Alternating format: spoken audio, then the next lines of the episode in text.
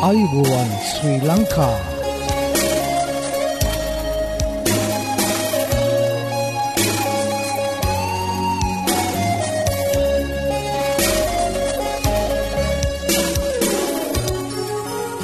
ඔබට සුපදවස මේ ඇඩවෙන්ටිස් වර්ල් රේඩියෝ බලාපොරොත්වය හඬයි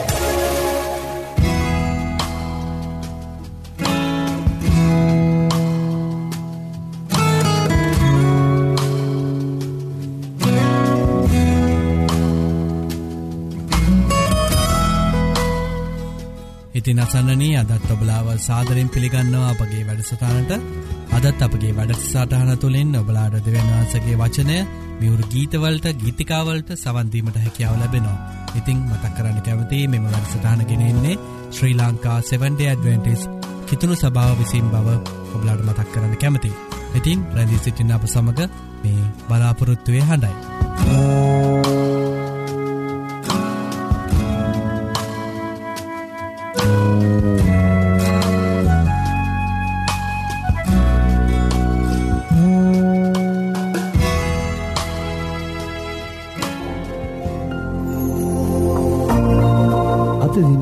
බයිබල් පාටය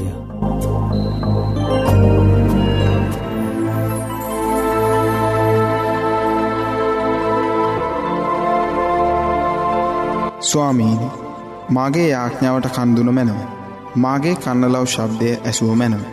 මාගේ විපත්ති දවසේදී ඔබට යාඥා කරන්නෙමි. මක් නිසාද? ඔබ මට උත්තර දෙනසේක ගීතාවලිය අසූහයේ හැවැනි පරිච්චේදේ අටදක්වා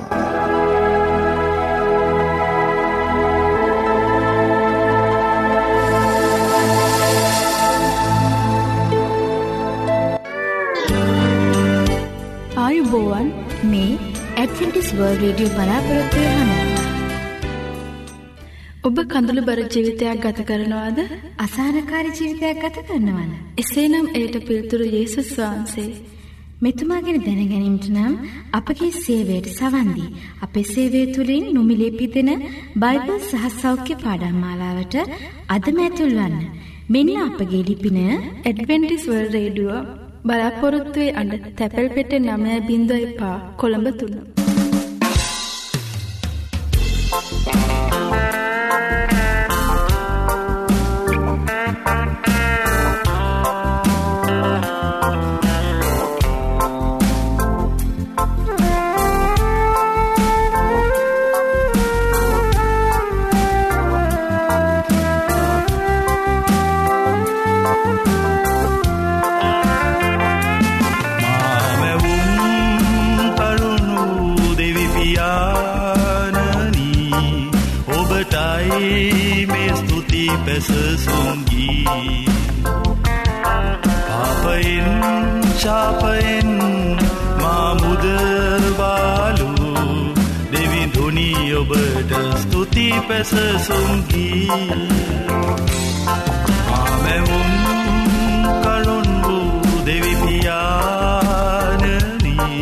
ඔබටයි මේ ස්තුති පැසසුම්ගී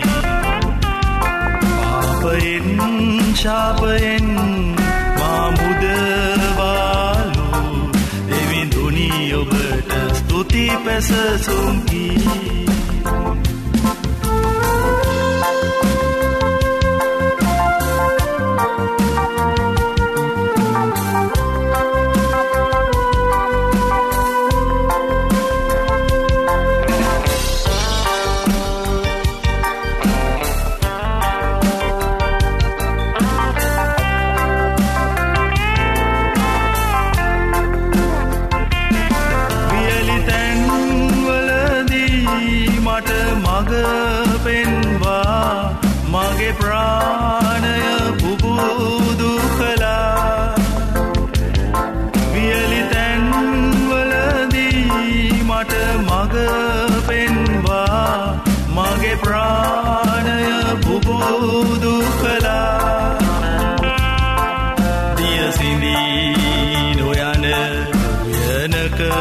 පැසසුම්ගී කලටම පලදරනා දියසිදී නොයන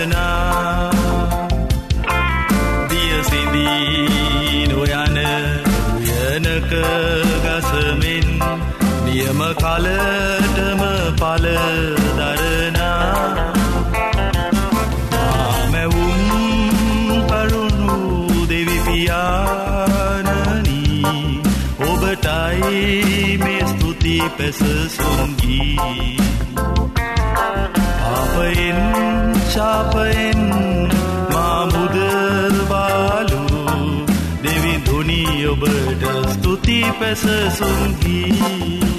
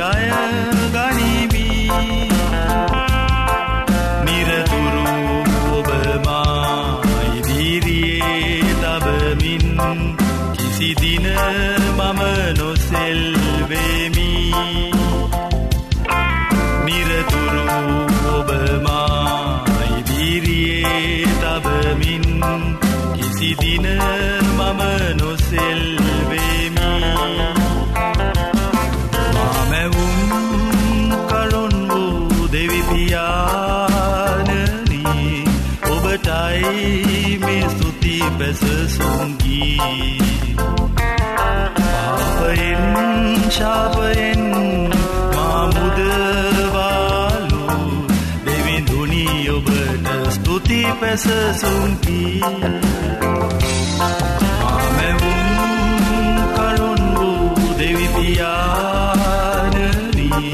ඔබටයි මේ ස්තුති පැසසුන්ගී පාපයෙන් ශාපයෙන් මාමුදවාලු දෙවිඳුනී ඔබට ස්තුති පැසසුන්ගී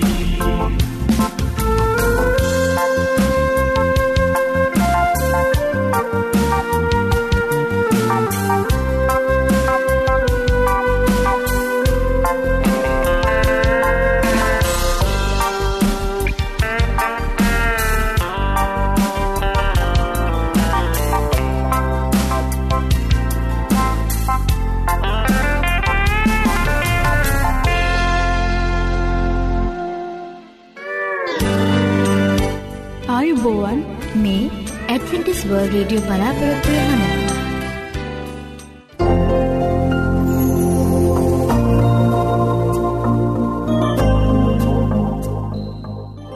ඉතින් හිතවත හිතවතිය දැන් ඔබට ආරාධනා කරනවා අපහා එකතු වෙන්න කියලා අද දවසේ ධර්ම දේශනාවට සවන් දෙන්න.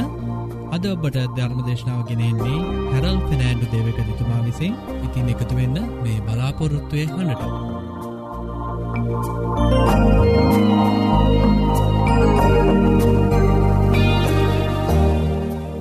අද සමාජය තුළ අපට දකින්නට පුළුවන් වැඩ කරන්නාවුද වෙහෙසවන්නාවුද ඉක්මන් කරන බොහෝම වසයෙන් මනුෂ්‍යයන් සිටින බව. ඒ වනත් ඔවුන්ගේ බලාපොරොත්තුව වඩ වඩාත් සුන් වෙලා යන බවත් ඔබට බොහෝ විට දකින්නට පුළුවන්.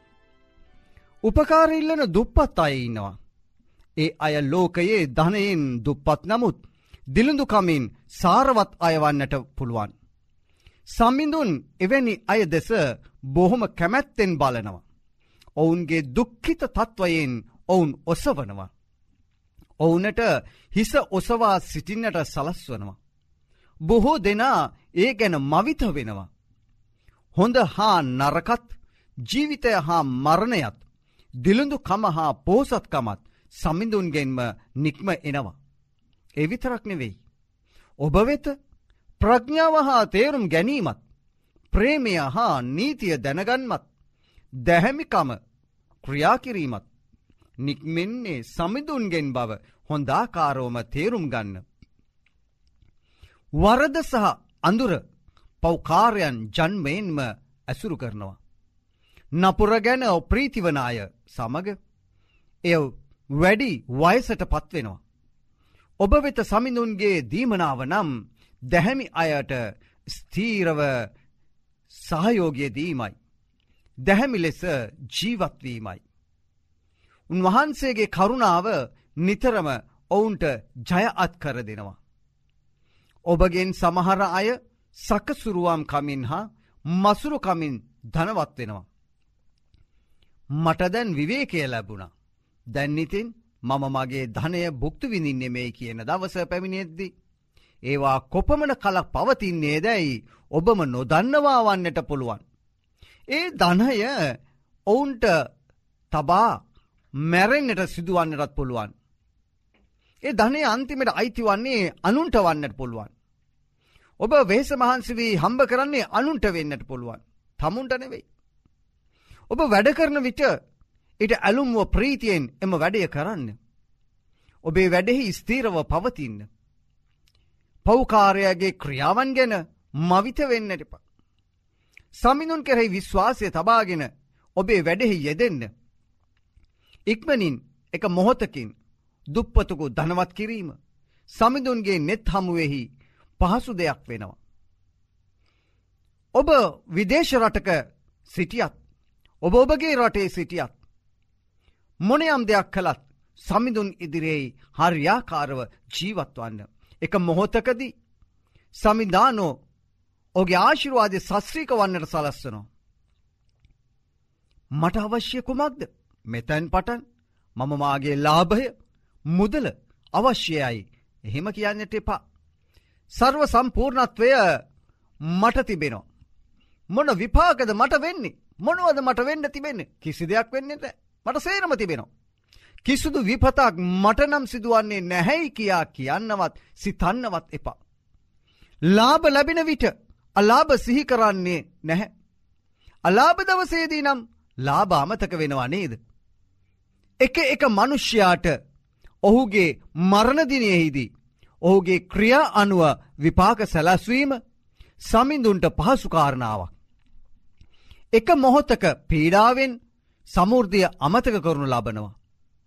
වාසනාව නැතිවී යනවා. නිසංසලකම ජීවිතය තුළ බිඳී යනවා. මිනිස්සුකුගේ අන්තිම මොහොතේදී. එහමනැත්නම් කරද අවස්ථාවේදී මරණ මොහොතේදී හෝ වේවා ඔබගේ ක්‍රියා එලිදරව් කරනු ලබනවා. මරණයට පෙර යමෙකුගේ භාග්‍යය ගැන පාරට්ටු කරන්නට එපා. මොකද කිව්වත් ඔබට මිනිස්සෙකු දැනගන්නට ලැබෙන්නේ ඔහුගේ අන්තිමේදිනිසයි.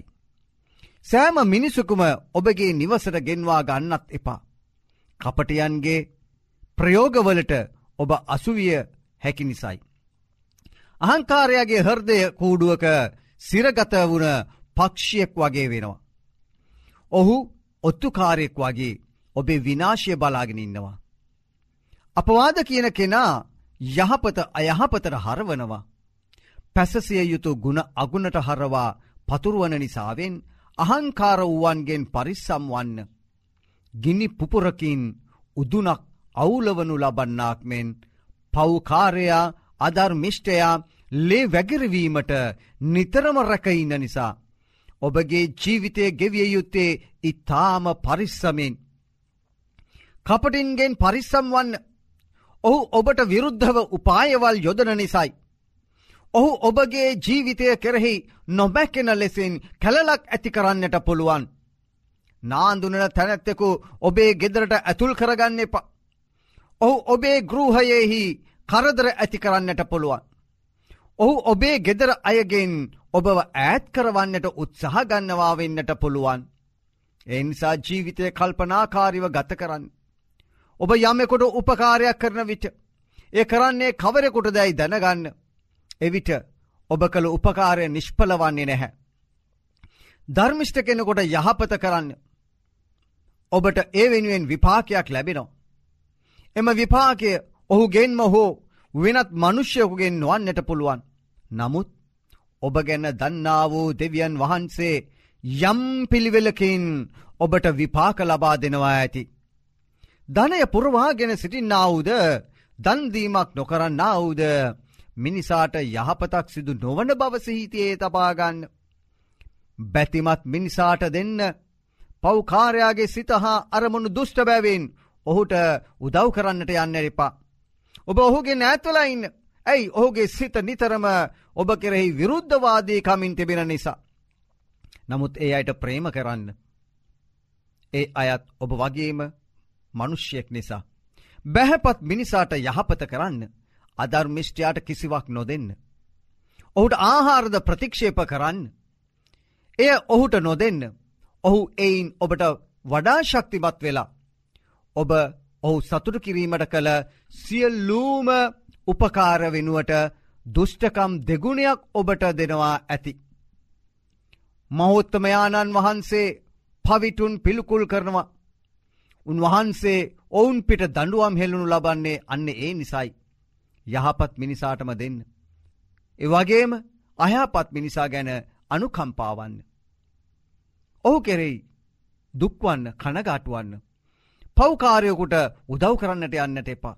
ඇයි ඔහු ඔබ සමඟ මිත්‍රවී ඔබවත් පාපෙට අදගන්නට පුළුවන් නිසයි. ඔහුගේ ඇසුරෙන් ඉවත්වන්න. ඔබ සමුෘධිමත්ව සිටින විට සැබෑ මිතරකු හඳුනාගතහන් නොහැකි. ඔබ විපතට වැටුන විට සතුරෙකු වරද්දාගත නොහැකි. මිනිසකු සමුෘධිමත්ව සිටින විට ඔහුගේ සතුරෝ ශෝක වෙනවා. ඔහු විපතට පත් වූ විට ඔහුගේ මිතුරා පවා ඔහු අත්හැර යනවා නේද. ඔබගේ සතුරාට ප්‍රේම කරන්න නමුත් සතුරා කෙරෙහි විශ්වාසය නොතබන්න. තඹවල දිස්නයමෙන් ඔහුගේ දුෂ්ටකමද වෙනවා ඇති. ඔහු බැගහැපත්වී ඇකිලෙමින් ඔබ වෙත ආවත් පරිස්සමින් සිටින්න. ඔහු කෙරෙහි විශ්වාසයනන් තබන්න එපා. ඔබ කැටපතක් ඔප දමමින් සිටින්නාක්මෙන් හැසිරෙන්න. ඔබගේ තත්ත්වය ඔබ දකින ආකාරයෙන්ම අනිත් අයත් දකින ආකාරයෙන්ම ජීවත්වන්න උත්සාහවන්ත වෙන්න. ඔහුගේ දිශ්නය වැඩිකල් නොපවතින බව දැනගන්න. ඔහු ඔබළඟ සිටුවා නොගන්න. ඔබ පෙරලා දමල. ඔබේ තැනගන්නට ඔහුට හැකි නිසයි. ඔහු ඔබේ දකුණු පසෙහි වාඩි කරවාගන්න එපා. ඔබේ ආසනය පැහරගන්නට ඔහුට උත්සාහධරන්නට පුළුවන් කමතිබෙන. අන්තිමේදී ඔබ මගේ වචනවල අර්ථය වටහා ගනි. මා ඔබට කීදේ සිතමෙන් පසුතැවිලිවන්නට වෙයි. සර්පයා විසින් දෂ්ට කරන ලද දුෂ්ට මන්ත්‍රකාරයාට අනුකම්පා කරන්නේ කවුද. නැතහොත් රුදුරු වනසතුන්ට කැමැත්තෙන්ම මුහුණ පානායට අනුකම්පා කරන්නේ කවුද. පෞකාරයකු සමග සමාගම් පවත්වන්නාවුද. ඔහුගේ පාපවලට හවුල් වන්නාවුද තැනැත්තා ගැනත් එසේම වෙනවා නේද.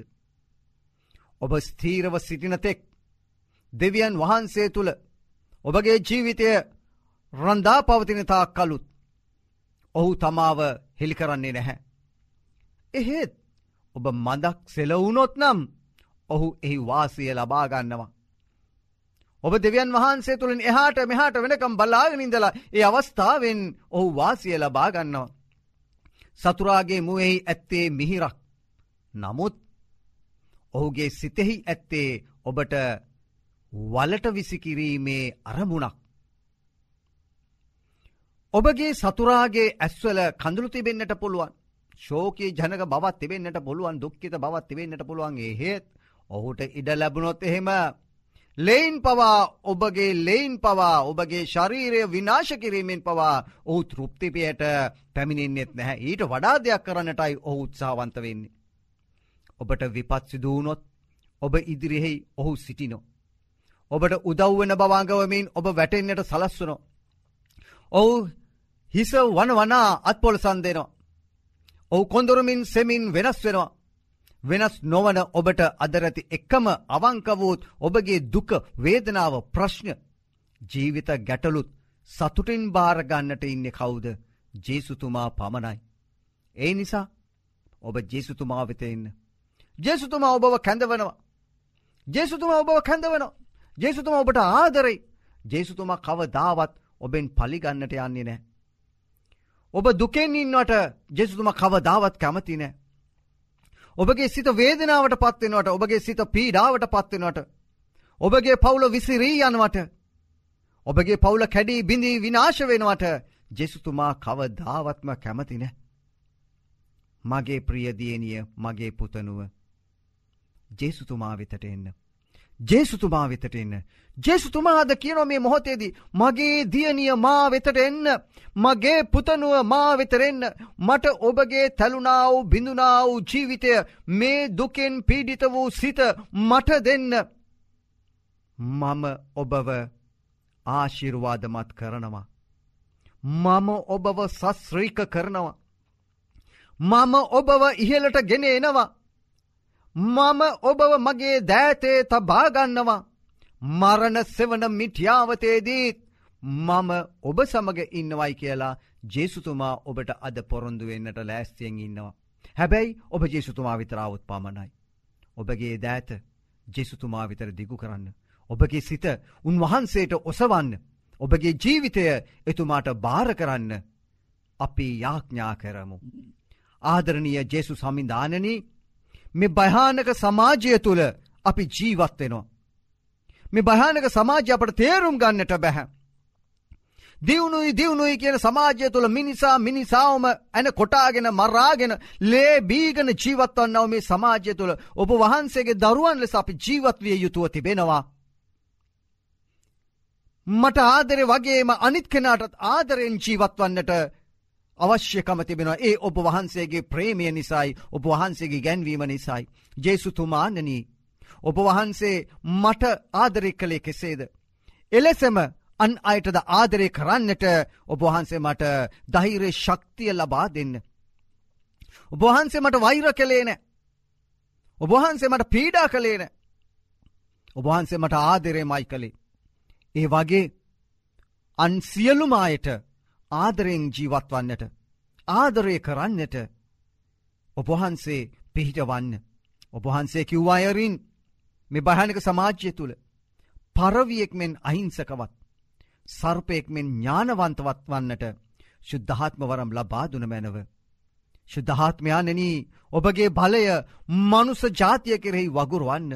ශුද්ධහත්මයානනී ඔබගේ මඟ පෙන්වීම ඔබගේ මඟ පෙන්වීම ඉල්ලන්නා වූ මේ දැරිය කෙරෙහි මේ දියනිය කෙරෙහි මේ පුතනුව කෙරෙහි ඔබ වගුරුවන්න.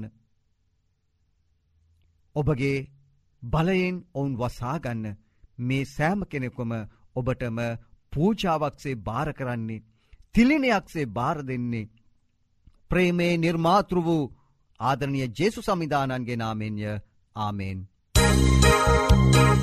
අසන්නන්නේ ඔබ මේ රැඳී සිටින්නේ ඇඩ්වෙන්ටිස් වර්ල් රේඩියෝ බලාපොරත්තුවය හඬ සමඟ. ඔබ කඳුළු බර ජීවිතයක් ගත කරනවාද අසානකාරි ජීවිතයක් ගත කරනවන්න. එසේනම් එයට පිල්තුරු යේසුස් වහන්සේ මෙතුමාගෙන දැනගැනීමට නම් අපගේ සේවයට සවන්දී. අපේ සේවය තුළින් නොමිලේ පිදෙන බයිබල් සහ සෞඛ්‍ය පාඩම් මාලාවට අදම ඇතුල්වන්න. මෙන්න අපගේ ලිපින ඇඩවෙන්ටිස්වල් රේඩුව බලාපොරොත්තුවේ අඩ තැපැල් පෙට නමය බිඳ එපා කොළඹ තුන්න.